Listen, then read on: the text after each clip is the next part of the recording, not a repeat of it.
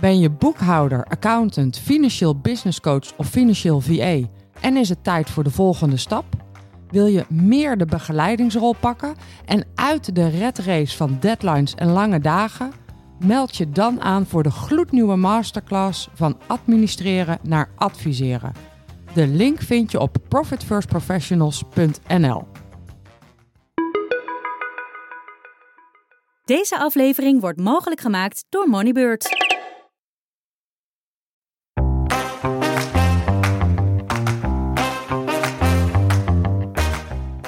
Welkom bij de Win-Winst Podcast. De inspiratiepodcast voor boekhouders en andere financials die willen bijdragen aan financieel gezonde en winstgevende bedrijven. En voor de ondernemers die dat winstgevende bedrijf willen bouwen. Femke Hogema gaat in gesprek met experts en ze deelt haar eigen kennis en ervaring. Laten we samen ontdekken hoe je succes creëert voor jezelf en je klant. Een echte win-winst. En vandaag is er geen solo-aflevering, maar een bonusgast. Ik heb vandaag in de studio Janine van Vliet. En Janine helpt ambitieuze MKB-ondernemers financieel gezond te worden en te ondernemen zonder geldstress. Ze doet dat sinds twee jaar vanuit haar bedrijf Koken met Cijfers. En de Profit First methode is vanaf het allereerste begin een heel essentieel onderdeel van haar begeleiding, van de begeleiding van haar klanten. Ze heeft jarenlang gewerkt als controller bij een franchiseorganisatie en daarvoor was ze bedrijvenadviseur bij de Rabobank. Ondertussen staat ze ook op podia, zoals in september 2023 op ProfitCon. Naast een passie voor cijfers heeft ze een passie voor goed en lekker eten en drinken. Ik ga met Janine in gesprek over ondernemers en cijfers. Janine, welkom in de Win-Winst podcast. Dankjewel, eh, Femke. En wat heb ik nog niet over je verteld wat de luisteraar wel moet weten? Nou, sowieso dankjewel voor de uitnodiging om deze, in deze podcast eh, deel te mogen nemen. Vind ik ontzettend gaaf. En ehm, mooie introductie ook. Jij zei, uh, ja, ze heeft een passie voor uh, lekker eten en, en koken.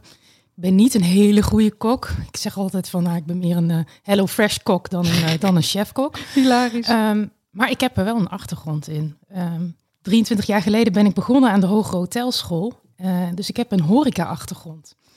En um, dus niet alleen een passie, maar, maar ook ben ik expert zeg maar, op het gebied van eten en horeca. En ik dacht, hoe leuk is dat als ik dat nou eventjes laat zien aan jou? Ik heb iets meegenomen oh, voor je. Ja? ja? Ik ben heel benieuwd. Naast dat ik de hotelschool heb gedaan, heb ik ook een, uh, een wijnopleiding gedaan. Oh ja. Dus ik, ik ben... Uh, ik ben een beetje een wijnkenner. Oh, wat goed. Wat goed. Liefhebber, maar ook een wijnkenner. Ja. En um, ik vind het altijd wel leuk om iets uit te zoeken voor iemand anders. Um, wat lijkt. Wat lijkt op jou. Dus ik ben heel gaan kijken van... Ja, wat is, uh, wat is Femke voor iemand? Nou, wat spannend. Best, best pittig, toch? Uh, ja, jij bent ook wel... Uh, je blinkt ook wel uit. Anders in het vakgebied, hè? In financiën, in de finance wereld. Jij wilt echt een ander gezicht laten zien, een andere stem laten horen. Um, dus daar past wel iets bij. Er moet wel een pittige wijn moet daar, uh, okay. moet daarbij. Ja. En um, dat is deze, ik zal hem je even geven. Nou, wat leuk, dankjewel. Dit is een, uh, een cadeautje. Ja, nou, dit is een, uh, een wijn dat komt uit, uh, uit Italië, ja. um, uit de Barolo-streek. Ja. Um, een van de hele betere streken in, in Italië. Ja. Het is gemaakt van een 100% Nebbiolo-druif. Dat Nebbiolo is een druif wat veel voorkomt in, uh, in Italië. En um, normaal gesproken moet je nooit um, een wijn kiezen om het etiket. Er zijn heel veel mensen die, die denken van, oh ja, weet je, uh, dat is een mooi etiket, laat ik het maar kopen. Ja, dat is natuurlijk een stukje marketing. Maar in dit geval, er staat op no name. Ja, ik zie het. Um, uh, is het wel, uh, het is een bijzondere wijn, want dit komt van het huis Borgogno. En Borgogno dat is een van de grote oude familiebedrijven in, uh, in de, in de Barolo-streek. En uh, ja, die hebben wel hun naam hoog te houden. Die gaan echt wel voor kwaliteit. En, en je hebt binnen de, de wijn... Um, uh, ja, wereld, zeg maar, heb je allerlei appellaties, noemen ze dat. Hè? Dus dat je, dat je iets kan Hè, dat, om aan te geven wat de kwaliteit is van een wijn. Nou, dat heb je in Italië heb je dat ook. En zij, zij hebben deze wijn ooit ingestuurd om die kwaliteit uh, te kunnen krijgen. Dat in een DOCG heet dat. Eh, en wat ze toen gedaan hebben, is dat ze eh, drie flessen uit hetzelfde vat hebben ze opgestuurd naar die commissie om ervoor te zorgen van, nou ja, om die kwaliteit eh, te kunnen krijgen. En eh, die eerste twee, eh, daar wordt dan blind geproefd. En die eerste twee, die kwamen dus door die kwaliteitsselectie kwamen die heen. Eh, maar die derde niet. Die werd afgekeurd. En daardoor kregen ze op deze wijn kregen ze dus niet dat kwaliteitskeurmerk. Maar dat is een beetje gek. Want het kwam uit Het hetzelfde kwam hetzelfde vat. inderdaad. Ja. Eh, en dit wijnhuis, dat was zo eigenwijs. Die zei, ja toch, dan maar niet die kwaliteit eh, keurmerk erop. Maar we gaan hem toch mooi, we gaan hem toch produceren en we gaan hem toch verkopen. En als we er geen kwaliteitsmerk op kunnen krijgen, nou dan noemen we hem wel no name. Dan krijgt hij ook geen naam. Exact. Oh, dat is wel mooi. Dat zijn mooie verhalen. Hè? Hoe ondernemers dan toch zeggen: ik volg dan mijn eigen weg. Ja. En ik ga fantastisch. En ik ga ook wel dan. In die zin gaan ze ook nog een beetje mee, ook nog van nou dan niet. Dan heeft hij ook geen naam. Fantastisch. En ik, ik vind dit zo bij jou passen. ja, omdat ik denk, ja, jij, jij Ja. Hè, steekt ook het kop boven het maaiveld uit als het gaat over eh, Ja. de accountancywereld. Nou, hier gaan Bart en ik gewoon van genieten. Eh, want ik, ik vind een, een goed glas wijn eh, heel lekker op zijn tijd. Ik drink niet veel alcohol, maar een lekker glaasje wijn. dus, dus we gaan hiervan genieten. Dus we, ik, zal, ik zal ook kijken in hoeverre ik het verha- verhaal kan herhalen. Want ik ben geen wijnkenner. Maar leuk. En nu we het dan toch over wijnen hebben. ehm, de naam van jouw bedrijf, Koken met Cijfers. Kun je die ook nog even toelichten? Ja. Nou, het is dus aan de ene kant is het dus eh, het passie voor het lekkere eten en de kennis zeg maar die ik opgebouwd heb vanuit mijn verleden vanuit de hotelschool eh, waar ik veel geleerd heb, maar waar ik ook veel in horecabedrijven heb, eh, heb gewerkt. En aan de andere kant cijfers. Ja, dat heb ik vanuit de middelbare school heb ik dat meegekregen. Er was ooit een economiedocent die dat zo fantastisch kon uitleggen. En daar was ik door geraakt. En nadat ik de hotelschool had gedaan, dat, dat ik dacht, ik wil daar meer mee, eh, mee gaan doen. Ehm, en ooit had ik die droom van, ja, ik ga iets doen in de horeca met cijfers. Maar niet wetende dat ik dus in 2020 een bedrijf ging starten. En die twee dus nu met elkaar combineer. Dat is eigenlijk puur toeval is dat geweest. Ja, En dat, dat koken, dat staat eigenlijk voor... Ik wil ondernemers op een Jip en Janneke manier uitleg geven over hoe ze met een bedrijf om kunnen gaan. Hoe ze met cijfers om kunnen gaan. Want ja, cijfers is gewoon moeilijke materie. ja. En eh, dat simpel uitleggen door een stuk storytelling te gebruiken. Eh, en ik doe dat echt met eten. Dus ik Ja. leg alles uit in Oh, eten. ja? Oh, Ja. wat leuk. Oh, dus er komen misschien vandaag komen nog wel voorbeelden langs Wie weet. met eten. Ja, En, en heb je ook klanten in de horeca? Ja. Ja. Ja. En, dat is misschien ook wel extra leuk. Dat, is, dat vind ik extra leuk. Ja. Ja. ik trek het iets breder in de food Ja. business. Hè, want ik heb Ja. ook veel winkels eh, die, eh, eh, Ja. die dan bijvoorbeeld producten verkopen die je dan kan eten. Dus ja, dus dat is daar wel aan gerelateerd. Leuk hoor, leuk. We gaan ook even kijken naar jouw boekhouding. De ondernemer en haar boekhouding. Want hoe heb je zelf je eigen boekhouding geregeld? Ja, ik vind zelf dat ik niet een heel ingewikkeld bedrijf heb. ik ben het bedrijf. Ehm, dus mijn boekhouding is ehm, redelijk klein. Eh, ik werk met, eh, met Moneybird. Ehm, en het moet vooral efficiënt zijn bij mij. En makkelijk. Ja. Want heel eerlijk, ik heb er een enorme hekel aan. Ja. Ja. dat moet je misschien toch even toelichten. Want ik snap dat, maar ik denk dat sommige luisteraars, eh, vooral ondernemende luisteraars, denken: hoe kan dat nou? Hoe kun je dan een hekel hebben aan het doen van je boekhouding? Hoe zit dat? Nou, het doen van boekhouding is elke keer hetzelfde. Ja. Dus je hebt facturen die binnenkomen, die moeten in een boekhoudsysteem. En je hebt facturen die eruit stuurt, die komen ook uit hetzelfde boekhoudsysteem. En dat is het eigenlijk. En ehm, dat doe je continu opnieuw. Repeterend. En dat is nou juist, repeterende handelingen vind ik minder interessant. Maar ik weet wel dat het heel belangrijk is om te doen. Ja. Want eh, die cijfers geven je ook heel veel informatie. Ja. En daar wordt het leuk. Want Ja. op het moment dat je het gewoon, dat stukje, die basis gewoon goed ingeregeld hebt, ehm, de output die je eruit krijgt, daar kun je, kun je helemaal op losgaan. Daar kun je op gaan analyseren. Daar haal je heel veel informatie uit. En doe je dat ook voor je eigen bedrijf? En ik snap dat je dat met, voor, de, voor de cijfers van klanten doet, maar analyseer je ook je eigen cijfers? Doe je daar wat mee? Ja, maar eigenlijk heel minimaal. Want, Waar, waar stuur jij op? nou, ik werk met Profit First. Ja. Ehm, dus ik hoef niet heel erg te sturen op Nee. mijn bedrijf. En eh, dat, is, dat is ontzettend lekker om dat, uh, om dat te doen. Ik ben wel blij dat je dat bevestigt, want Bart, mijn man, dat weet iedereen denk ik ondertussen wel, die, die zegt wel eens, en welke KPI's stuur jij nou op? En dan zeg ik, ja, ik heb gewoon Profit First. Dat is echt wel, ik heb er wel een paar nog bij hoor.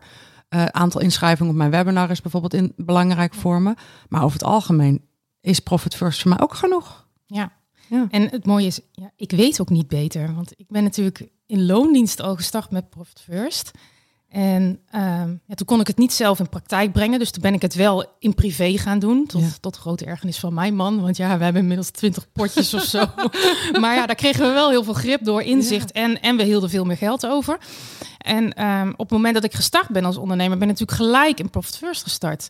Dus um, ja, ik, ik, ik heb mijn bedrijf zien groeien. En daarmee groeide Profit First groeide er ook automatisch in. Dus ik ben wel het voorbeeld van, je krijgt, ik krijg vaak vragen van als starter van, ja, maar dat werkt dan toch nog niet. Je kunt toch niet met Profit First starten als je starter bent? Ja, zeg ja, maar ik, ik ben wel gestart als, uh, als starter direct met Profit First. En ik weet niet hoe het is om maar één bankrekening te hebben. Nee, en ik, ik, ik vind het een, volgens mij zegt Mike McCallowich dat um, als je uh, duizend euro niet kunt managen, probeer het dan ook maar niet met honderdduizend en zeker niet met een miljoen. Dus juist, ga eerst maar eens die eerste honderden, duizenden, tienduizenden euro's managen. En zorg maar dat je dat voor elkaar krijgt voordat je inderdaad straks een miljoen omzet hebt. Want een miljoen omzet niet managen is een stuk pijnlijker dan duizend euro niet managen. Ja, dus, exact. En dat zijn maar een paar nulletjes hè, die erachter staan. Voor de, voor de rest maakt het verschil niet uit. Nee, voor de rest maakt het niet zoveel uit. Is geld belangrijk? Ja, geld is echt belangrijk. Echt belangrijk zelfs. Ja. Want? Um, nou ja, zoals ademhalen dat is voor de mens, is geldt dat ook voor een bedrijf. Maar ook voor jezelf persoonlijk. Um, ik ben niet zelfvoorzienend. Kijk, als ik zelf mijn eten zou kunnen verbouwen en ik, uh, ik heb niemand om me heen nodig, ja, dan heb ik geen geld nodig. Maar um, met geld kun je dingen doen. Dus dat is, uh, dat, dat is zeker, zeker belangrijk, ja. Ja, dat is wel mooi, uh, eigenlijk mooi platgeslagen. Ik ben niet zelfvoorzienend. Dus wat is het nou voor een vraag, Femke? Natuurlijk. Ja, ja. Zo, zo, ja. ja. ja. mooi, mooi. En wat is het belangrijkste principe wat jij over geld hebt geleerd? Um, ik heb heel erg van thuis meegekregen dat het um, belangrijk is om um, zelf je broek op te kunnen houden. Om uh, financieel onafhankelijk te zijn. En dat heb ik echt goed in mijn oren geknoopt. En daar leef ik ook echt voor en naar. Um, om even een situatie te schetsen. Ik kom uit een uh, familie en dan trek ik het eventjes iets verder dan het gezin waar ik uittrek. Hè, maar mm. uh, opa's en oma's, de rest eromheen. Uh, waar het ehm, niet vanzelfsprekend was dat je ging studeren. Ik ben de eerste generatie um, die de mogelijkheid heeft gehad om te kunnen studeren. En daar ben ik mijn ouders ontzettend dankbaar voor dat, dat, dat ik dat heb kunnen, heb kunnen doen. Um, want het heeft me zoveel, heeft me zoveel gebracht. Ja. En, en als ik dan vervolgens kijk verder in mijn familie, dan um, is het ook niet heel erg gebruikelijk dat je als vrouw fulltime gaat werken. Het idee, de, het principe zit er nog heel erg in van, um, ja, je krijgt kinderen, uh, je gaat zorgen daarvoor, je gaat misschien parttime werken, maar um, je bent wel afhankelijk van iemand anders. En dat doe ik ook niet. Ik ben, ik ben fulltime werkzaam. Uh, ja. en, ik, en dat komt door dat principe dat je zelf je broek op moet, uh, moet houden. Dus jouw ouders hebben je dat echt meegegeven? Ja, dat dat belangrijk maar, is. Zijn we even oud? Dat weet ik eigenlijk niet, want ik heb dat ook meegekregen. Ietsjes jonger. Jij bent ietsjes jonger, want ja. ik heb dat ook meegekregen. En het leuke is wel, een aantal gasten voor jou, uh, zoals Maartje Blijleven, heb ik het hier over mee gehad. Wij komen dus een, min of meer uit dezelfde generatie, waarin uh, de campagne Een slimme meid is op haar toekomst ja. voorbereid uh, draaide. Ja. Uh, dus ja, dat we geleerd hebben van nou, ja. zorg maar dat je financieel onafhankelijk bent. En nog steeds um, is het, is, zijn er te veel vrouwen niet financieel onafhankelijk. Nee, exact. En ik vind dat um, in die zin ook best wel zorgelijk, omdat je gewoon weet van, nou ja, één op de drie mensen gaat scheiden tegenwoordig. En het is feit, daar is onderzoek naar gedaan, dat na scheiding vrouwen er financieel fors op achteruit gaan. Ja. Ehm, dus hoe belangrijk is het dan hè, dat je je eigen broek op kan, eh, kan houden? Ja. ja, en ik vind het niet alleen belangrijk voor vrouwen. Ik vind het voor mannen vind ik het net zo, goed, net zo goed belangrijk. Ik denk dat je gewoon goed voor jezelf moet kunnen zorgen in alle omstandigheden. En dat heeft niks te maken met het feit dat je afhankelijk bent van je partner. Maar ja, ik zou ook niet afhankelijk willen zijn van een andere instantie als een overheid bijvoorbeeld. Nee. Ehm, ehm, en situaties, hè, scheiden is er eentje van, maar je kunt natuurlijk ook te maken krijgen met ziekte of te maken krijgen met overlijden. Dat zijn ook allemaal situaties waarin je financiële situatie gewoon heel erg verandert. En uh, ja, daar wil je toch op voorbereid zijn. Ja, ja ik vind een uh, hele gezonde instelling en ik denk dat het goed is dat we daar over blijven praten, omdat er Absoluut. nog te veel vrouwen um, afhankelijk zijn. Ja, absoluut. De expert aan het woord. Je werkte lang als controller bij een franchise en daar leerde ik je ook kennen. En jij zegt over die tijd: het was mijn missie om ondernemers financieel gezonder te maken, inzicht te laten krijgen in hun cijfers en te leren aan welke knoppen ze moeten draaien voor het gewenste resultaat. Maar wat ik ook probeerde, ik merkte dat die ondernemer helemaal niet bezig was met het resultaat. Hij leefde bij de dag en zijn onderbuikgevoel werd gevoed door de stand op zijn bankrekening. Wat deed dat met je?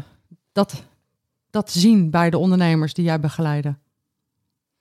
Ja, dat, dat werd zo frustrerend op een gegeven moment. Want vertel er eens iets meer over. Um, wat, wat, wat, zag je? Wat zag je gebeuren? Nou, um, ik begeleide die ondernemers in eigenlijk alle facetten van het, uh, uh, van het ondernemerschap. Als het maar iets met cijfers te maken had, dan, uh, dan zat ik wel bij ze aan tafel. En um, wij hadden dat daar echt best wel goed geregeld. Um, deze ondernemers die hadden vierwekelijkse cijfers. Dus die hadden de toegang tot een dashboard. Die, die hadden vier Ja, want even voor de luisteraar. Als, als controller bij die franchise begeleide jij de, um, de franchise-nemers. Ja. En dan op financieel gebied. Ja. Ja. dus jij zat met ze aan tafel. En Ja. dat zijn dus ondernemers die zijn aangesloten Ja. bij een franchise. Ja, Ja. precies, Ja. precies. Ehm, dus ze hadden alles voorhanden. En dan kwam ik bij hun en dan zaten ze bij mij aan tafel en dan vroeg ik aan ze van, joh, eh, heb jij nog naar je cijfers gekeken? Eh, ik had ze natuurlijk wel al lang gezien. En toen zei ze, eh, nou, nog niet heel erg tijd voor gehad. Oké, kan. Want ja, ze zijn druk, werken zes, soms zeven dagen in de week. Dus eh, dat kan. Nou, dan ging het ze uitleggen. Dus dan nam ik ze mee in die cijfers, ging het ze uitleggen. Nou, hier is de pro zit het probleem en daar zit het probleem en dat moet je veranderen. En dan, eh, nou, dus, hè, dan kun je dat bijhouden en dan, zie je zeg maar eh, of, het, of het beter gaat worden. Nou, en dan een paar maanden later zat ik weer bij ze aan tafel. En dan de eerste vraag was weer van, goh, heb je, heb je nog naar je cijfers gekeken? Nee, geen tijd voor gehad. Nou, dan ging ik het ze weer opnieuw uitleggen. En op een gegeven moment denk je, ja, maar wat ben ik nou eigenlijk aan het doen? Ik ben aan het uitleggen, maar het lijkt wel of er ergens een klok en een klepel... Het blijft niet hangen. Um, ik, ik zie ze niet veranderen. Um, En dan ga, ga ik even advocaat van de duivel spelen. Kennelijk konden ze prima hun business runnen zonder zicht op cijfers. Ja, maar het ging niet heel goed. En, en wat ging er dan niet goed? Nou, Maakten dan ze altijd geld tekort. altijd geld tekort? Ja. ja. En als je dan probeert in dat hoofd van die ondernemer te stappen, wat denk je dan waarom die ondernemer... Want en er was toch tekort, maar naar de cijfers kijken deden ze niet. Wat gebeurde er dan in het hoofd van die ondernemer? Um, een soort van blokkade. Um, maar ook heel erg, ja, we leven met de dag. Um, wat er nu gebeurt, gebeurt er nu. En morgen zien we wel weer verder. Laat staan dat we een week vooruit kijken. Laat staan dat we een maand vooruit kijken. Dus, dus heel erg in het, in het nu leven. En ervoor zorgen zeg maar, dat je de dag van nu gedraaid krijgt. Ja. Um, en um, um, nou ja, wat je zegt, hè, ik echt leven naar die bankrekening. Daar kwam ik eigenlijk pas later. Kwam ik daar, uh, kwam ik daar. En die achter. werkte natuurlijk niet met Profit First. Nee, totaal niet. Nee, dus ze hadden één grote bak geld. Ja. ja, en wat gebeurde er dan? Ja, dan gingen ze beslissingen nemen die, die dan um, eventjes korte opleving waren van, van de problemen waar ze in zaten. Dus dat, nou, dan stond er in één keer een auto voor de deur. Uh, en ja, dan kwam ik daar en dan zei ik, ja, maar hoe heb je dat nou kunnen doen? Uh, waar heb je dat van betaald? Nou ja, zeiden ze, ja. Ja, het leasecontract was afgelopen en uh, nou ja, de garage die belde of we, of we het leasecontract wilden veranderen, verlengen. Dus nou, zijn we gaan kijken en uh, nou, vonden we deze auto, ja, die vonden we wel heel erg mooi. Um, Ja, ach ja, weet je, het was maar 50 of 100 euro per maand duurder. Dus uh, dachten we, nou ja, weet je, dat kan wel. Dat is, dat is niet zoveel heel veel geld. En ja, nieuwe, nieuwe leaseauto voor, uh, voor de deur. Maar, maar niet uh, het idee hebben van, ja, wat zit er nog meer achter? Hè? Wat is dat 50 of dat 100 euro? Wat doet dat nog meer met je? Hè? Natuurlijk een stukje bijtelling bijkijken. Um, wat allemaal nog, allemaal nog meer. Ja, dan keek ik naar een cijfers en dan zei ik van ja, maar je verdient eigenlijk bijna geen geld. Je hebt bijna geen geld om van te leven. Ja, maar ik heb wel een mooie auto. Moet je kijken. Oh, en hij rijdt zo lekker. Ja, oh, wat echt. Ja, en, ja, en ik voel ook jouw, jouw onvermogen dan bijna. Van, oh, wat moet je daar dan mee? Tuurlijk, kijk, je gunt het ze. Ja. Tuurlijk gun je ze, zeg maar, plezier. Um, en uh, je wilt natuurlijk dat het, dat het goed met ze gaat. Want het is altijd, ja, gaat het goed met de ondernemer, gaat het ook goed met de franchiseorganisatie. Dus dat werkt natuurlijk wel hand in hand met elkaar samen. Maar uh, uh, beslissingen nemen op basis van het onderbuikgevoel, ja, dat kan heel gevaarlijk zijn. Ja, en meer nog dan alleen het onderbuikgevoel, ook gewoon op basis van emoties in de trant van, ik vind deze gewoon echt heel mooi, ja. deze auto. Ja, ja. ja en, en dat mag als je een bij wijze van spreken cash kunt afrekenen van je winstpotje. Want ik, ik, heb, ik, ik heb dat verhaal ook wel eerder gedeeld. Ik heb uh, 15 jaar lang in een uh, Opel Corsa gereden. En ik gaf, en op een gegeven moment ging ik heel goed verdienen. En toen gaf ik al mijn geld uit aan business coaches, aan investeringen in een online academy. En daar ging 10.000, 15.000 euro makkelijk heen. En mijn man bleef maar naar die auto kijken. Van, hè, maar je rijdt nog steeds in die Corsa. Klopt, ik rijd nog steeds in die Corsa. Tot op het moment dat ik bij de BMW-dealer een tweedehands BMW 1 cash kon afrekenen. En toen ben ik ook naar binnen gelopen. Toen zei ik, die is mooi, want die is blauw. Dat is natuurlijk geen manier om een auto te kopen. Maar het is een fantastische auto. En, uh, en ik kon hem cash afrekenen. Dat is een hele, vanuit een winstpotje. Ja. Dat is een heel ander iets dan, ja, gewoon hem heel graag willen hebben omdat hij blauw is. Terwijl je hem eigenlijk ja. niet kunt betalen. Ja. En dan is het ook emotie. Maar wel een hele gave emotie. En een emotie die, um, die bedding heeft in een georganiseerd systeem vanuit waar je beslissingen ja. kunt nemen. Want dat geld was er en dat was niet bestemd voor een ander doel. Dus ja. dan kan het. Even terug naar jouw ondernemers. Want um, um, ze hadden het financieel eigenlijk niet altijd uh, heel, heel breed. Nee. De, ze kwamen tekort. Ze gingen emotionele beslissingen nemen. Ze, na, ze, namen geen beslissingen op basis van cijfers. Zou, er ook, zou het ook kunnen dat er een emotie onder heeft gezeten? Als er niet genoeg geld is, dan moet ik dus gewoon wat harder gaan werken. Speelde dat ook mee of was dat niet zo? Ja, dan kom je bij zo'n franchise-ondernemer toch wel vaak in van ja, ik weet het niet meer. Nee. Ik weet niet meer aan welke knoppen die ik kan draaien. Nee. franchise is toch maar een jij jij stukje ja. anders, zeg maar, dan een gewone ondernemer. Hè? Een gewone ondernemer die start vaak vanuit een passie en die, um, uh, mm -hmm. die heeft een 9 van 10 ook nog wel een plan hoe ze dat willen gaan doen. En die moet alle facetten van het ondernemerschap beheersen. Een franchise-ondernemer, daar worden bepaalde uh, dienstverlening wordt uit handen genomen. Dus marketing hoeven ze vaak niet veel aan te doen. Dat maakt op het moment dat ze aan de knoppen moeten gaan draaien, dat dat veel lastiger is om, om de verandering in te zetten. Maar ik hoor jou ook zeggen dat jij hele concrete dingen aangaf. Dat je zei, als ik naar de cijfers kijk, dan zie ik dat, dat je hier aan moet werken. En deden ze daar dan wat mee? Ja. Nee, want zij hadden eigenlijk wel alle tools in handen. Maar toch was het best wel lastig om die vertaalslag te maken. Ja. En, en dat begreep ik dus niet. En daar kwam op een gegeven moment wel die frustratie vandaan. Van ja, hoe ga ik nu nog het verschil maken?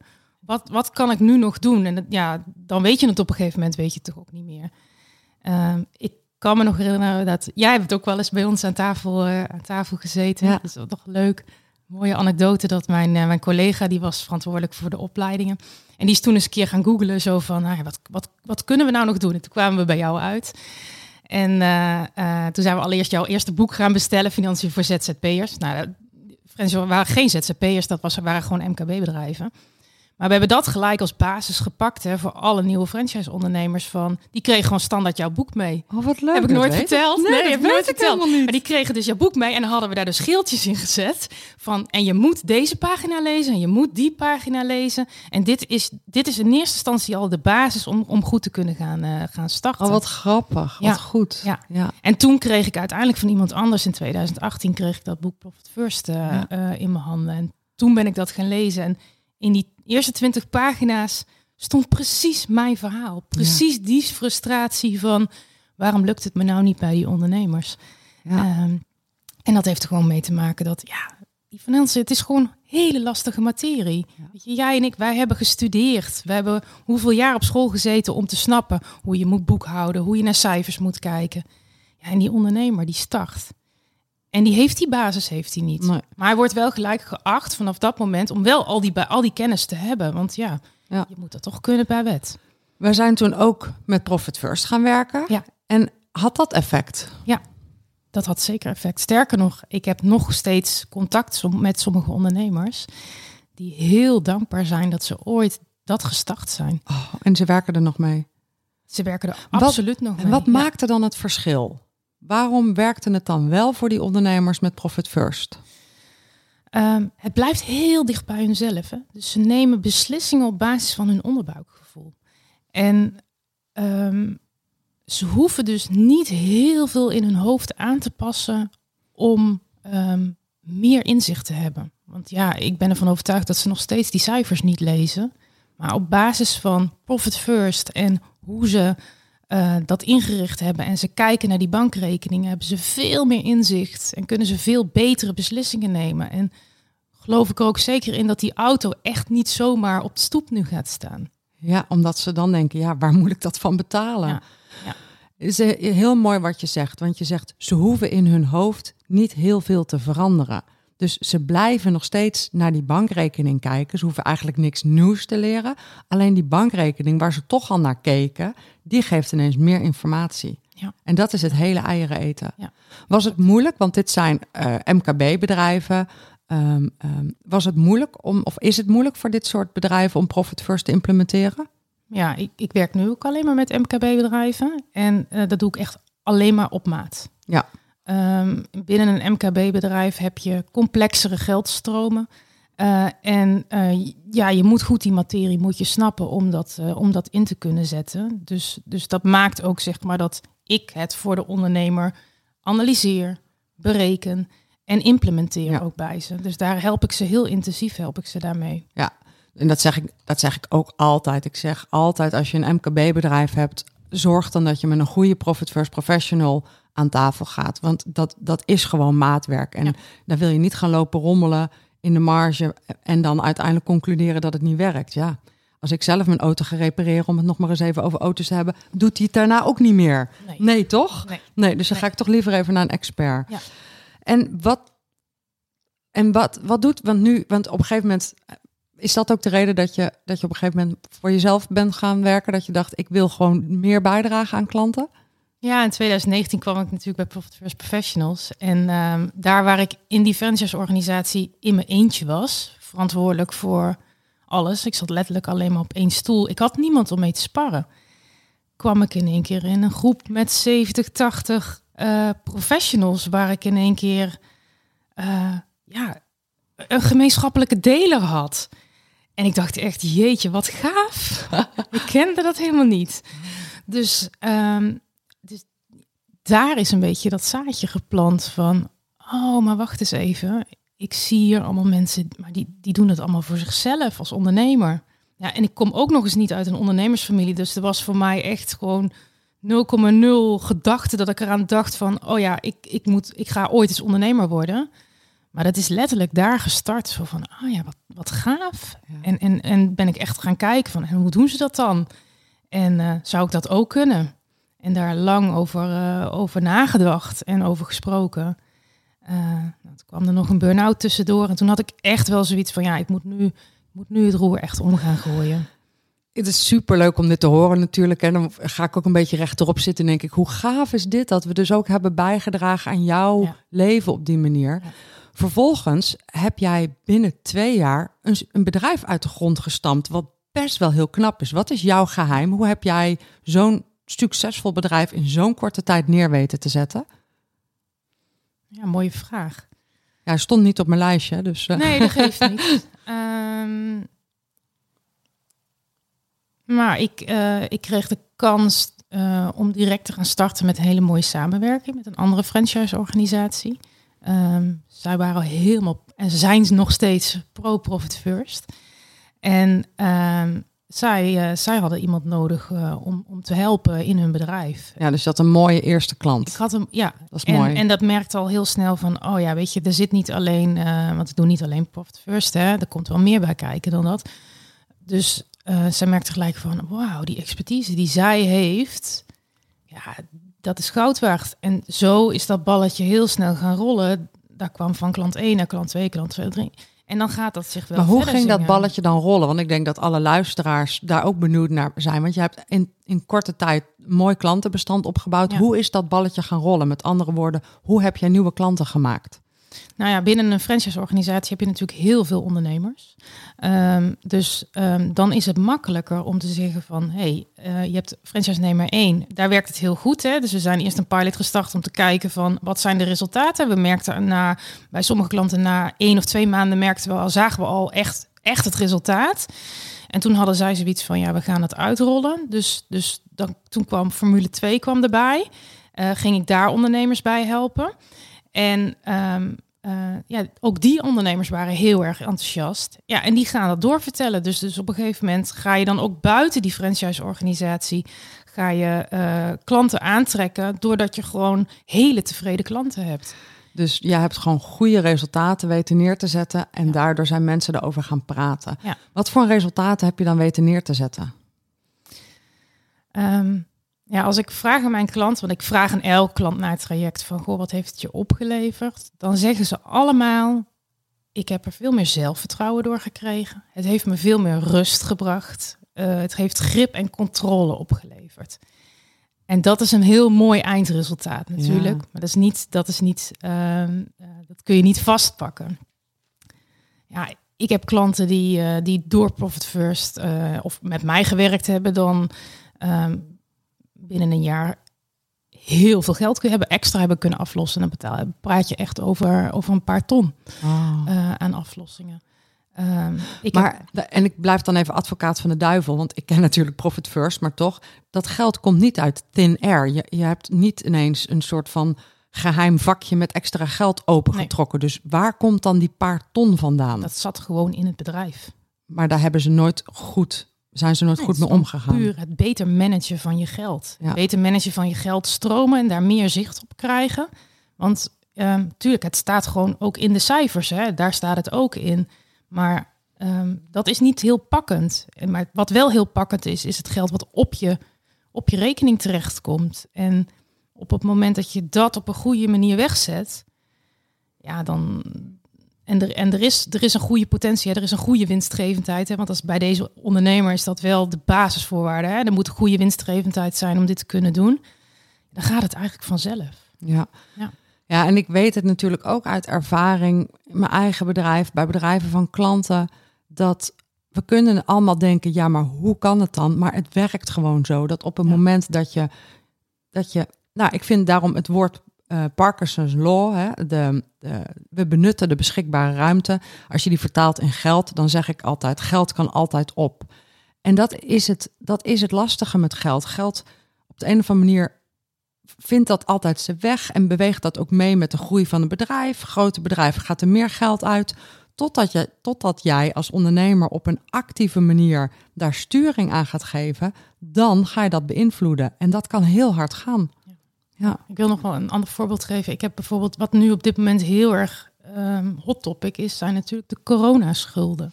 Dus de belastingschulden bij de, eh, de- Ja. opgebouwd bij corona. En ik heb één klant vorig jaar mee, eh, mee gestart. En dat hing echt als een soort zwaard van Damocles boven hun hoofd. Van ja, 1 oktober is het moment, dan moeten we gaan aflossen. Maar dat bedrijf was tot op dat moment nooit winstgevend. En we zijn ook dit in gaan zetten. En ja, je zet natuurlijk Profit First in, maar je moet wel meer doen dan Profit First. Hè. Het is niet van, oh, ik open een paar bankrekeningen, ik zet het geld weg en that's it. Nee, ik, ik ben wel actiever bezig met die ondernemers om, om verandering te brengen. Ehm, en ehm, nou ja, langzaamaan lukte dat. En toen was het 1 oktober. En toen moest die ondernemer dus gaan aflossen. En er stond gewoon, en we hadden een apart aflossingenpotje gemaakt. Er stond gewoon voor drie maanden aflossingen stond daarin. ik krijg er kippenvel van. Ja, en ik spreek die ondernemer twee weken geleden. Er staat nu gewoon voor tien maanden aflossing in. Ja, daar krijg ik ook kippenvel Ja. van. Weet je, daar ben ik zo trots op. En dan vraag ik ook aan ze van, ja, maar hoe... Hè? Want ik zeg altijd, ik, ik ben een gids. Hè? Ik, ik help je om verandering te brengen. Maar uiteindelijk, die ondernemer moet het wel zelf gaan doen. Hè? En dan zit het er gewoon in, in dat die ondernemer zegt van, ja, het is de mindset, de verandering, de knop die om is gegaan in mijn hoofd. Dat we er op een andere manier maar naar moeten kijken. Ja. Ehm, ja, en, en het gaat mij niet eens om echt grote, grote getallen. Ik ben ook al heel blij met een ondernemer die zegt... ja, ik mag na vijf, vijf jaar kan ik eindelijk weer, weer een keer op vakantie. Want dat heb ik in al die vijf jaar niet gedaan. Omdat ik niet weet hoe ik het moet regelen binnen mijn bedrijf. Eh, dat is ook waar ik met ondernemers aan, eh, aan werk. Want het is niet alleen geld verdienen... maar het is ook ervoor zorgen dat je rust krijgt in je hoofd... in de vorm van tijd. Eh, niet altijd maar bezig zijn, zes, zeven dagen in de week met je bedrijf... Maar ook goed voor jezelf zorgen. Ja. Ja, en het is geen magisch stokje waar we mee zwaaien, maar het is het geheel van implementeren van Profit First, actief bezig zijn met het managen van je financiën, daardoor andere keuzes maken, ehm, maar ook daardoor werken aan je mindset en je gedachten. Dus het is het geheel waaraan je, waardoor je eigenlijk creëert dat een ondernemer dan ineens tien maanden aflossing op zijn bankrekening heeft staan. Ja. Het zijn al die dingen samen. En. Uiteindelijk moet de ondernemer het werk doen. Maar ehm, ja, jij helpt ze daar wel heel erg Ja, en dat is, bij. dat is als je dan kijkt eerst naar die frustratie Ja, en kijkt naar wat ik dan nu doe. Ja, hoe dankbaar kan je zijn als mens dat je echt anderen kan helpen. ja. Geweldig. Ja, en, ja, en het, is, het blijft ook een heel groot ding. Want ik krijg nog steeds wel mailtjes van mensen die gewoon het boek hebben gelezen of met een Profit First Professional werken. En die mij dan gewoon even in drie regels vertellen hoe het hun leven heeft veranderd. Dan denk ik, oh, wat Ja. is dit toch een fantastisch eh, Ja, verhaal. Ja. Jij hebt verstand van cijfers, ehm, maar je bent zelf geen accountant. En jouw accountant hebben naast jou ook vaak een, een accountant of een boekhouder voor de boekhouding, de jaarstukken en de aangifte. Wat merk jij over de relatie tussen die ondernemer en zijn accountant? ja, die is soms best wel slecht. Ja, Ja. Ik, ik vind het opmerkelijk dat, ehm, nou, 9 van de 10 ondernemers die ik spreek, die zeggen van, ja, ik ben niet tevreden over mijn accountant. 9 van de 10, dat is vind best wel echt veel. een hoop. Ja, daar sta ik echt van te kijken. En waarom zijn ze dan niet tevreden? Nou ja, dan vraag ik inderdaad van, hoe komt dat dan? En dan zeggen ze, ja, ja, hij snapt mij niet, maar ik snap hem ook niet. Dus er zit een enorme mismatch zit daar, eh, zit daartussen. Ja, Ben jij een bedreiging voor die accountants? Als jij dan ineens binnenkomt eh, om ook met cijfers aan de slag te gaan, zien ze dat als een bedreiging? ja, ik vind zelf van niet, hè, want Nee. ik heb echt een andere expertise. Ehm, ehm, ik zit ook veel meer in het bedrijf eh, met die ondernemer dan dat die accountant dat doet. Maar ehm, ja, ik heb wel eens dat ik aan tafel zit met een klant en die dan even die accountant moet bellen. En dan staat dat telefoontje even op eh, luidspreker en dan hoor ik zeggen... Oh, dat is zeker voor die van koken met cijfers, hè? Ja, voor die Janine. Nee, die van koken met cijfers. Ja, ja. ja, ja. ja. Dus ja. eh, Ja, dus ze snappen hun accountant niet. Ze denken dat de accountant hun niet snapt. Waar gaat dat mis? Waarom? Ja, waar gaat dat mis? Ja, dat zit een, een stukje in de beleving, denk ik, van de accountant richting de ondernemer. Dus ze snappen waar die ondernemer mee bezig is. En voor, voor mij, ehm, ik kom uit een hele andere wereld. Ik, ik heb nooit bij een boekhouder of een accountantskantoor gewerkt, maar ik heb wel heel veel mee, daarmee samengewerkt. En, en als ik kijk zeg maar, naar die tijd, ehm, ja, dan hadden we dat echt heel goed geregeld. Want wij, eh, ik was ook verantwoordelijk hè, voor het stuk eh, communicatie met, met accountantskantoren. En wij tenderden ook, elke vijf jaar tenderden wij ook op die, op die kantoren. En dat, dat ondernemers ook konden kiezen van, van waar ze dan graag naartoe wilden. Ehm, en wij stelden van tevoren, gingen wij met die ondernemers zitten en dan vroegen we aan ze ook, wat wil jij nou, wat wil jij nou precies? Wat wil jij nou precies zien? Wat is voor jou belangrijk? En dat gingen we opstellen in een document. Daar moeten jullie aan voldoen. En vervolgens mochten zij zichzelf presenteren van ehm, wie zijn wij en waar zijn wij, eh, waar zijn wij goed in. Ehm, en dat is denk ik een hele andere benadering. Wat voor dingen zetten die ondernemers daar dan in? Wat zeiden ze dan eh, die anders zijn dan wat je nu ja, ziet? Ze zeiden allemaal, wij vinden, wij vinden het heel belangrijk dat wij ehm, met iemand om tafel kunnen zitten. En dat we een goed gesprek met iemand kunnen voeren. Dus communicatie was wel echt de key. Ja. We hebben natuurlijk ook gevraagd van, eh, ja, wat mag, kosten, wat mag het kosten bijvoorbeeld? En ze zeiden allemaal, kwaliteit gaat boven kwantiteit. Dus ze waren allemaal bereid om meer geld neer te leggen... als ze er maar kwalitatief betere accountants voor terugkregen. En dat kwalitatief betere zit hem dan in, ik wil het gesprek aangaan. Ik wil Exact. aandacht hebben. Exact.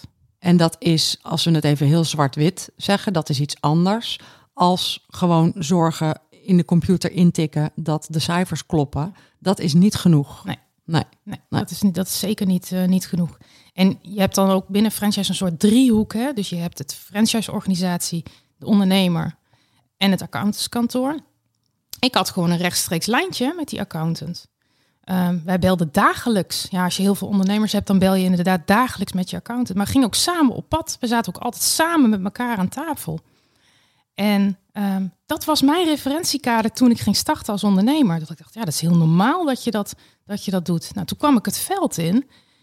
En eh, toen merkte ik in eerste instantie alleen al dat het best wel lastig is om cijfers op te vragen bij zo'n accountant. Dat dat al was al, was al een gedoe. Hoezo dan? Nou, dan, dan, eh, dan vroeg die accountant, ja, waar heb je daarvoor nodig? Wat ga je ermee doen? Ja. Eh, vaak hoorde je dan ook nog van, oh, maar als je daar problemen mee hebt, waarom kom je dan niet naar mij? Want dat had ik toch ook voor je kunnen doen?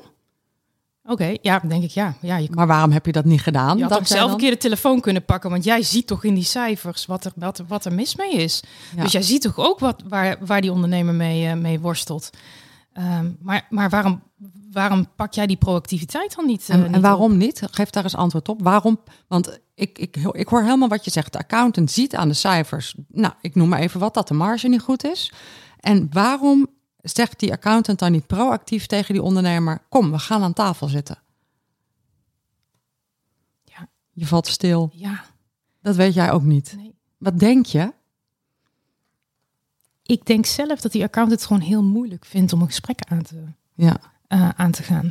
Ehm, want ik denk de basisvoorwaarde is dat je een goed gesprek kunt voeren met je klant. En eh, dat goede gesprek, dat moet op Jip en Janneke niveau. En dat kan niet in accountantstijl. nee, En daar wordt het een beetje ongemakkelijk voor die accountant. ja. Ja, en nu zijn we natuurlijk ehm, even alle accountants over één kam aan het scheren. En Ja. dan ook nog over de negatieve kam. Hè? Ja. Dus als je dit nou luistert, hoor dan even tussen de... We, we maken het heel zwart-wit. Maar dat wil natuurlijk... Niemand is zo zwart-wit. Dus er zijn fantastisch goede accountants... die wel dat gesprek in Jip en Janneke taal kunnen voeren. Zeker. Maar er zijn helaas ook nog steeds accountants die vooral bezig zijn met de cijfers. En die niet het gesprek over de business met de ondernemer in Jip en Janneke taal proactief voeren. Ja. Dat is een hele lange zin, maar er zitten wel een aantal belangrijke Zeker. elementen in. Ja, laten Ja. we vooral vooropstellen. Hè, we, we generaliseren nu heel erg, maar er zijn ook echt hele goede accountantskantoren. En die kom ik gelukkig ook tegen. En dat Mhm. zijn juist eh, de mensen waar ik graag mee in gesprek ga. Ja. Ehm, eh, want we kunnen daar heel goed in samenwerken. Ehm, misschien nog een ander punt waarvan ik denk eh, waar de mismatch zit, is, ehm, en dat is zo mooi, dat een klant van mij die, eh, die stuurde mij begin een mailtje en die zegt, eh, die had mij horen spreken op een, op een event. En die zei, ja, mijn accountant is ook een geschiedenisleraar.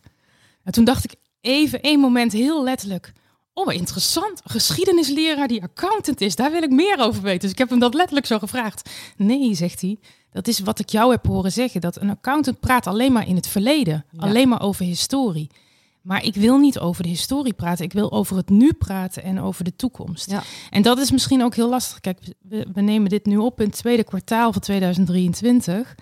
Ehm, iedereen zit nu op dit moment vol in de afronding van de jaarcijfers.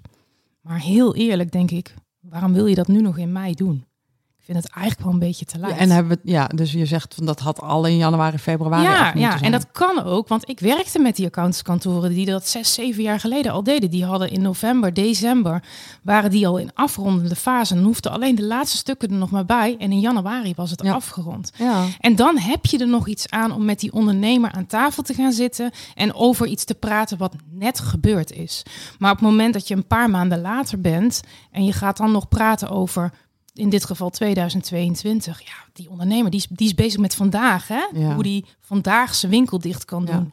En, en niet meer van wat er in het verleden is Nee. gebeurd. Dus er zit ook een soort tijdsmismatch zit Ja. erin. Ja, dat zeg je En, mooi. Tijdsmismatch. en dat is zo jammer, want, want ehm, die ondernemer die heeft de problemen van nu, van vandaag en van morgen. Mhm. Ehm, en die los je niet op met die van 2020. Nee, zeker niet.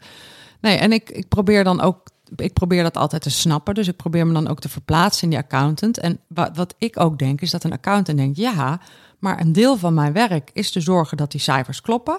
We zijn volgens de regels van de Belastingdienst ruim op tijd. Dus ik wil dat ook presenteren aan mijn klant.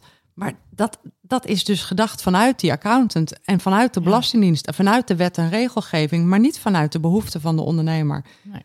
Nee. En waar zijn wij voor? Wij zijn dienstverlener. Maar Wij zijn dienstverlener voor de ondernemer. Wij zijn niet dienstverlener voor de Belastingdienst. Nee, nee.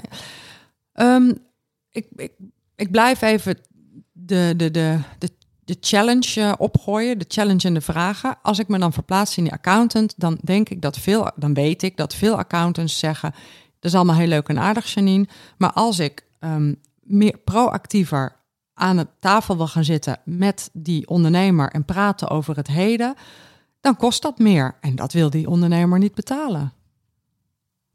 Ja. Waarom niet? Uiteindelijk moet, moet je niet kijken naar wat iets kost.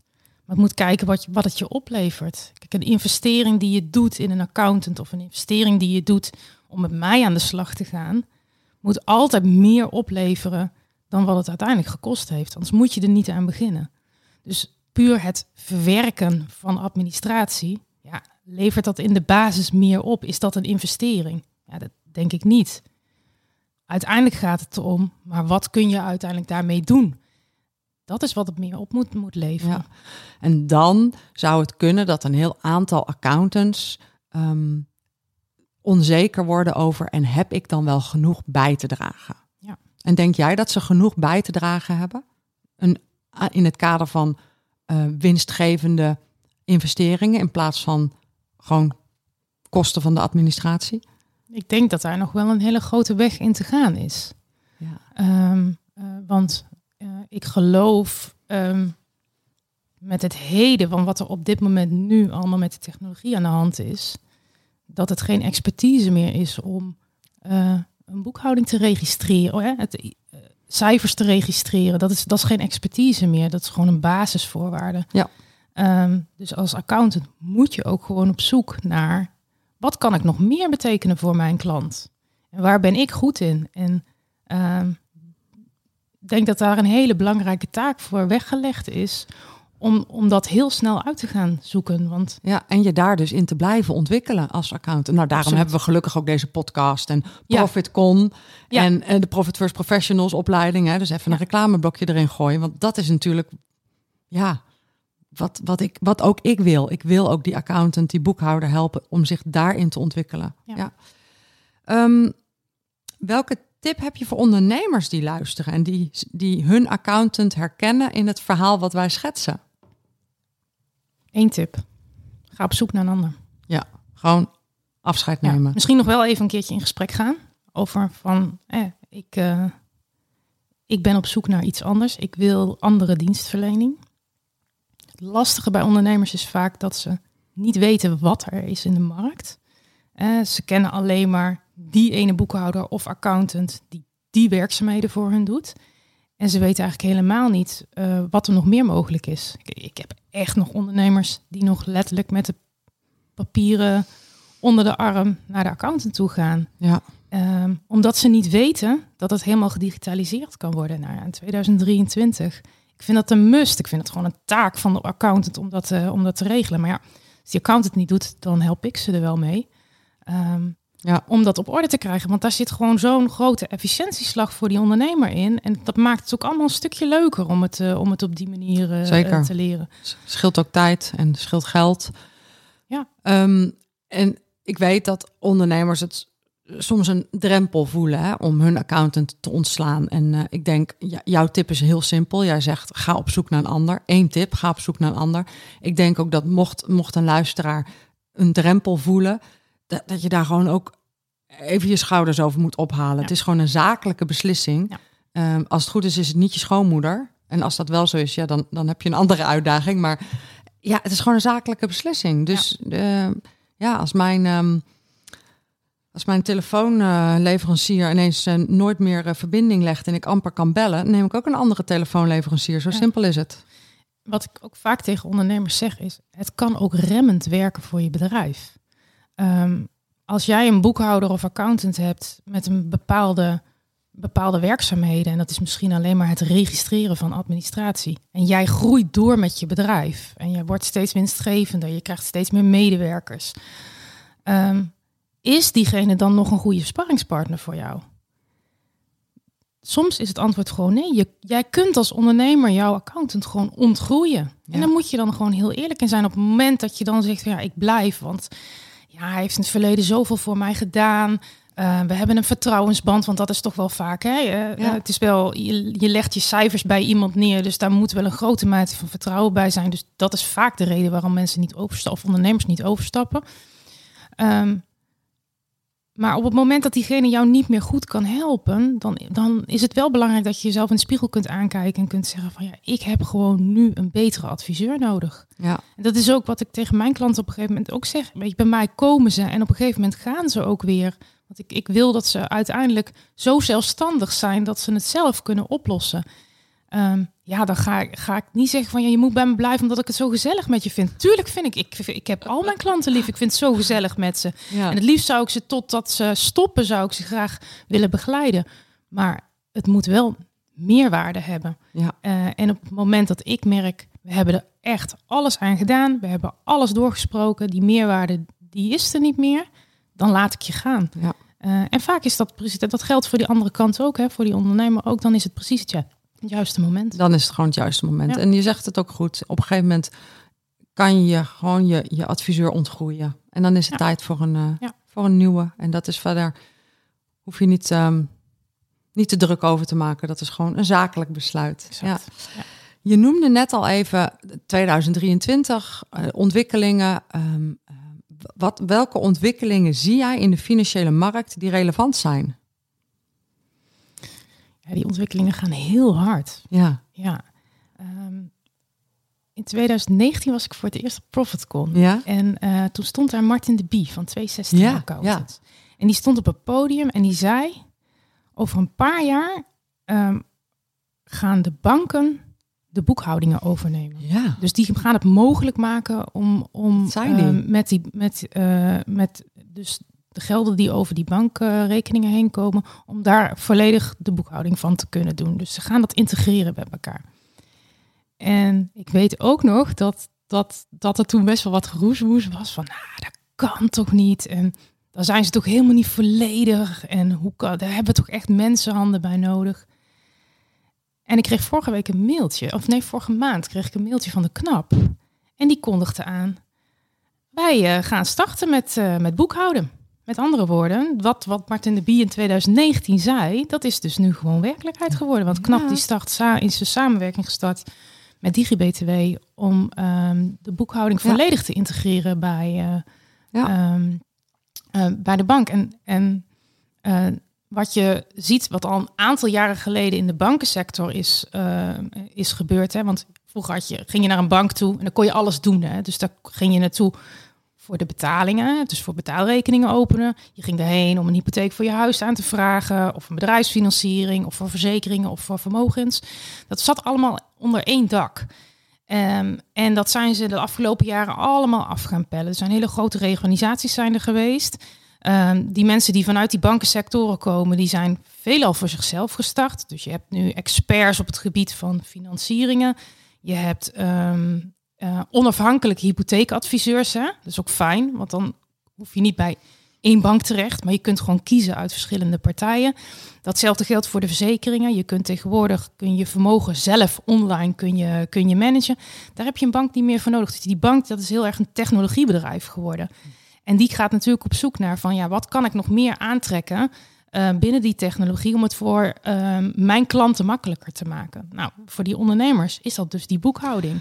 Ja, en hoe moet, hoe moet een accountant dit nou horen? Want als een want het is niet alleen de bank, het is ook andersom. Moneybird heeft ook een geïntegreerde bank. Ja. Dus de banken gaan boekhoudingen integreren, de boekhoudprogramma's gaan bankrekeningen integreren.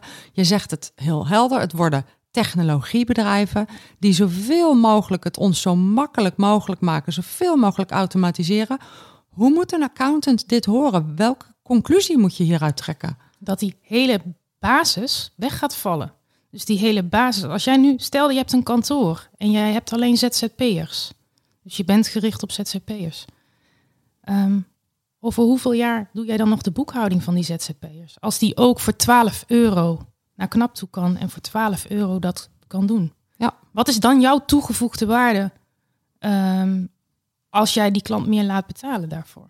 Ja. En het gaat echt heel ver, hè? want ik heb daar even naar gekeken van wat, wat kunnen ze allemaal doen? Nou, tot aan de aangifte aan toe, hè? tot aan de inkomstenbelasting aan toe. Ja. Memoriaalboekingen, alles staat klaar al voor die, voor die ondernemer. Je hoeft gewoon één druk op de knop en het is, eh, Ja. en het is geregeld. En dat moeten we niet onderschatten. Ook niet zeggen, ja, maar zo'n vaart zal er niet lopen. Want nee, zo'n vaart loopt het dus wel. Want ten eerste, je hebt, je hebt gewoon scan en herken. Dus, dus een, een boekhoudpakket leest facturen. Dus daar hebben we al geen mens meer voor nodig. Dan hebben we ehm, ehm, ja, artificial intelligence. Een boekhoudprogramma leert zelf van wat hij leest. Dus hij wordt steeds slimmer. Eh, dan hebben we alles wat aan elkaar geknoopt en gekoppeld is, zodat ook geen mensen meer dingen hoeven over te typen. Het wordt allemaal steeds slimmer. Dus we kunnen nu wel met elkaar denken dat we nog steeds mensen nodig hebben. Maar er komt een moment dat, eh, dat, dat, dat, dat een computer gewoon misschien nog 1 of 2 procent fouten maakt. En een mens nog steeds 5 procent fouten. Dus dat het gewoon wordt omgedraaid. En ik denk dat, ik, ik weet niet, misschien zit er iemand op een zolderkamertje nu te bedenken van, hé, maar dat is interessant. Je hebt natuurlijk dat hele artificial intelligence, dat chat GPT, dat Ja, je kijkt op het ja. gebied van copywriting. Ja, waarom zou dat ook niet met boekhouding kunnen? Dat je gewoon een bak hebt met facturen die je ergens instopt. En waarvan je zegt, nou maak hier nu een boekhouding van en doe even de, doe even de btw-aangifte. En als je dat klaar hebt, maak er ook nog even een jaarrekening van en doe nog even die inkomstenbelasting. En, en als je dan toch bezig bent, doe me ook even 10 adviezen hoe ik, eh, wat ik ah, winstgevender kan worden. ja, dat wordt wel heel gevaarlijk. maar, Nee, maar dat gebeurt wel. Dat Ja. is ook big data analyse. Maar daar hebben we dan op nog wel de, de, de, de boekhouder, de financial, de financieel adviseur voor nodig. Om ehm, dat concreet te kunnen toepassen op de bedrijven van Ja. ondernemers. Ja. Die analyses te kunnen maken. des te belangrijker wordt het nu om op zoek te gaan naar wat is jouw toegevoegde waarde Dus als accountant? Dus als we, het, als we heel ver in de toekomst kijken, dan wordt zoveel mogelijk geautomatiseerd. Dat is al zo. Wat blijft er dan nog over? Dan blijft er over de persoon die het gesprek kan voeren. Letterlijk wat jij net zei. Je Exact. moet echt het gesprek kunnen voeren. De, ehm, de creatieve vragen kunnen stellen. Want computers zijn nog steeds niet creatief. Emoties kunnen lezen van onze klanten. Want Ja. computers kunnen vooralsnog geen emoties lezen. Ehm, creatief ook na kunnen denken over de toekomst. Maar dan gaan we wel veel van accountants vragen, Janine. Gaat dat? eh, daar gaan we wel veel van. Dat is ook een mooie kans, denk ik toch? hmm. Kijk, als ik veel met mijn collega's spreek, die zeggen eigenlijk allemaal van, ja, ik ben nu zoveel jaar bezig, ik doe die boekhouding. Ik ben er wel een beetje klaar mee met al dat verwerken. Ik zou wel, wel graag wat meer met die klant willen doen, maar ik, ik zit nog steeds vast aan die boekhouding en dat belemmert mij om echt met die klant om tafel te gaan zitten. Dus het biedt ook een gigantische kans om te zeggen van, ja, nu, nu moet je gewoon. Ja, ja, ja. Wat er wel ook is, is dat ehm, het, het, het kost wel nog steeds heel veel tijd om al die automatisering, al die computers, al die programma's, al die software op de juiste manier aan elkaar te knopen, neer te zetten en mee te ontwikkelen. Dus ik denk dat een accountant, ehm, eh, naast dat dat een, een gespreksvoerder wordt, hè, even kort door de bocht, ook ehm, ja, eh, een IT'er wordt. Dus we worden IT'ers en gespreksvoerders, maar boekhouders toch steeds minder. Ja, ja, Dat ja. denk ik ook. ja. Ehm, ja, dus dat zijn pittige ontwikkelingen. En ja, ik denk dat we wat dat betreft de, de grote lijn wel een beetje gepakt hebben. Dat denk ik ook. Ja, dan gaan we naar de adviezen voor de financial. De adviezen voor de financial. We hebben natuurlijk verstopt in dit verhaal al honderd adviezen voorbij horen komen. Maar ik stel hem toch aan je. Wat zijn vanuit jouw expertise de drie dingen die financials kunnen aanpakken om meer winst in de breedste zin te realiseren? In tijd, geld, energie, kwaliteit. Ja, ik denk dat we echt moeten stoppen met al die moeilijke woorden te gebruiken. Laten we nou ook vanaf vandaag of vanaf morgen starten met Jip en Janneke taal. Ja. Gewoon in begrijpbare taal dat de ondernemer het slapt. Wat is het meest gehoorde moeilijke woord wat je nog steeds langs hoort komen? Of een, een veel gehoord? Ehm, nou, alles wat er op de balans staat, is denk ik een heel ver van hun bedshow. Ja, dus woorden als eh, vaste activa is eigenlijk al te moeilijk. Is al te moeilijk inderdaad. Ja. Materieel vast actief. Ja, of eh, Goed wil, ja, dat hebben ze dan ergens horen vallen ooit van als ze een bedrijf verkopen. Afschrijvingen, ja. dat is er ook eentje. En dat, daar, de reden dat ik het vraag is ook omdat ik denk dat het goed is voor financials om zich te realiseren dat dit dus moeilijke woorden zijn. Want voor ons, ik, ik, ik snap ze ook deze woorden, zijn dit dus geen moeilijke woorden. Nee. Maar dat komt omdat we er al 20 jaar, soms 30 jaar mee werken. Dan zijn ze ook niet meer moeilijk. Klopt. Maar een, een, mooi, een mooi ezelsbruggetje vind ik altijd. ehm, als je buurvrouw het niet in haar dagelijks taal gebruikt, gebruikt, is het waarschijnlijk vakjargon. En dan een of andere slimmerik zegt nu mijn buurvrouw is accountant. Nou, dan de andere buurvrouw. ja. Ehm, Oké, dus geen moeilijke woorden. Geen moeilijke woorden. Wat nog meer? Tweede is proactief. Ja, Stoppen met geschiedenisleraar zijn. ja. Dus laten we praten over het nu en Ja. over de toekomst. Ja. En dat is niet altijd in cijfers uitgedrukt. Dus dat maakt ook dat een gesprek naast die cijfers ontzettend belangrijk is. Want je haalt daar dus niet alle informatie uit. Dus je moet met die ondernemer in gesprek om het over de toekomst te hebben. Om te weten, oké, wat zit er nu in de pijplijn van die ondernemer? Ehm, om te weten hoe het gaat met hem. Ja. En dan komt dan vaak toch ook bij de accountant dat, dat onderbuikgevoel moet ook naar boven komen. Hè, om te weten van of het goed gaat of dat niet goed gaat. Want het is nog allemaal niet helemaal vastgelegd in cijfers. ja. Nee. Maar als je veel meer op, die beslissings, eh, op dat beslissingsmoment gaat zitten, dan zul je uiteindelijk zien dat het ook goed terugkomt in die cijfers. ja. Geen moeilijke woorden. Proactief. Meer op die beslissingsmomenten gaan zitten. Ja, en de laatste zou ik toch zeggen, kom eens wat vaker achter die computer vandaan. Ga nou eens met die ondernemer in zijn bedrijf kijken.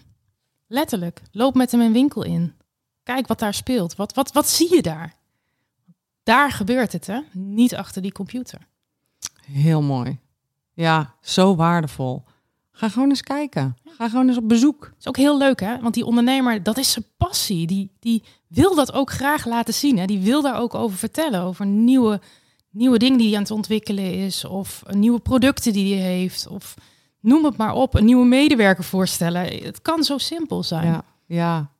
Mooi. Kom achter die computer vandaan. Stel, ik geef je een toverstok. Je zwaait en daarna is de boekhoudbranche zoals hij volgens jou zou moeten zijn. Volgens mij ging deze hele aflevering over die verandering. Ehm, en toch, wat is, wat is het belangrijkste wat je ziet nadat je met je toverstok hebt gezwaaid? Dat er allemaal accountants in Nederland zijn. Die met een glimlach aan tafel zitten met die klant. En dat die klant weggaat en denkt, wauw, wat heb ik een fantastisch gesprek gehad. En dat is heel anders dan wat we nu nog af en toe zien, is dat de accountant de ondernemer belt. Dat de ondernemer, daar heb ik dus geen zin in. Welke factuur moet ik nou weer aanleveren? Ja, welke factuur? Nou, dat is hem. Welke factuur moet ik nou weer aanleveren? Dat is het grote probleem. Zolang die accountant ehm, over één kam wordt geschoren met... ah shit, ik moet nog een factuur aanleveren, zijn we niet goed bezig. Sorry dat ik het zo hard zeg. Ja, maar Helemaal mee eens. ja. Ja, De winstvraag. Jij staat op 15 september 2023 als spreker op ProfitCon. En eh, de, de, de, de kaartverkoop voor ProfitCon is nu open. Dat betekent dat je op www.profitcon.nl ook ziet wie er naast Janine nog meerdere sprekers zijn. En je kunt daar ook je ticket kopen. Janine, waar gaat jouw keynote over? Mijn keynote gaat echt over die verandering bij de accountant. En mijn titel van, van mijn keynote is Ontdek de held in jezelf. En we gaan, ehm, we gaan tijdens mijn keynote op zoek naar dat stukje held wat bij die accountant verborgen zit. En dat gaan we proberen naar boven te halen om te kijken van waar, waar kun jij nou echt jouw klant van meerwaarde van zijn. Dus het stukje held wat eigenlijk in jou zit, waardoor jij die transformatie, die stap kunt zetten van geschiedenisleraar naar. Ja, en dat, dat is dus voor iedereen anders. Dat is voor iedereen anders. Ja. En daar gaan we in Daar jouw gaan we naar op zoek. Ja. Dat is een geweldig mooie belofte. En in het kader van mooie beloftes gooi ik er nog eentje in. Want Mike McCallowich komt voor het eerst in Ja. vier jaar weer live naar Nederland. Dus dan heb je gaaf. en Janine en Mike Ja. en nog zes hele gave sprekers. Dus zorg dat je erbij bent. Eh, Mike die was natuurlijk met, met corona de twee jaar niet. En het jaar daarna was het eigenlijk toch nog een, toch nog een klein staartje daarvan. Maar ik heb zijn ticket betaald. Dus eh, hij komt echt. Ja. Ja, Janine, ben ik nog wat vergeten te vragen? Ehm, nou, misschien zijn er luisteraars die denken van... ehm, ja, maar dat klopt niet, hè. Wat jij nou allemaal zegt, hè, wat jij nou allemaal roept over die accountantswereld... ja, dat ben ik niet. Mhm. Ja, dan zou ik bijna zeggen, klim in de pen, ehm, Mail ons. mail ons, eh, laten we in gesprek gaan. Want we zijn op zoek naar die mensen. Ja, nou precies. Op de, op de show notes van eh ehm, winwinst.nl eh, staat eh, hoe je ons kunt vinden en bereiken. Dus dat is een mooie oproep. Kan ook altijd op LinkedIn, Janine, haar profiel, mijn profiel. Over jouw profiel gesproken, waar kan de luisteraar meer over jou vinden en over jouw, ja, jouw aanbod, wat je voor klanten doet? Ja, nou, op mijn website natuurlijk, www.kokenmetcijfers. Zetten we ook in de show notes, koken met cijfers.nl. Ja, daar staan, eh, daar kunnen mensen naartoe. Kunnen altijd met mij een, een gratis kennismakingsgesprek in, inplannen. Ehm, eh, dat is mogelijk. En ik vind het altijd heel leuk. Ik ben actief op eh, social media en met name op LinkedIn, eh Janine van Vliet. Ehm, om te linken, om te volgen, ehm, om nieuwe mensen te leren kennen. Dus dat mag ook. Ja, supergoed. Nou, dan weet ik zeker dat mensen je gaan vinden. Je luisterde naar de Win-Winst podcast voor de ondernemende boekhouder. Ik zou het heel tof vinden als je een review achterlaat in de podcast-app waar je mee luistert. Je moet vaak even een stukje naar onderen scrollen. Daar kun je sterren geven of in één of twee zinnen vertellen eh, wat je van deze podcast vindt. En ehm, abonneer je op deze podcast, dan krijg je vanzelf een seintje als er een nieuwe aflevering online staat. En dan zie ik je heel graag volgende week weer op woensdag, Win-Winsdag.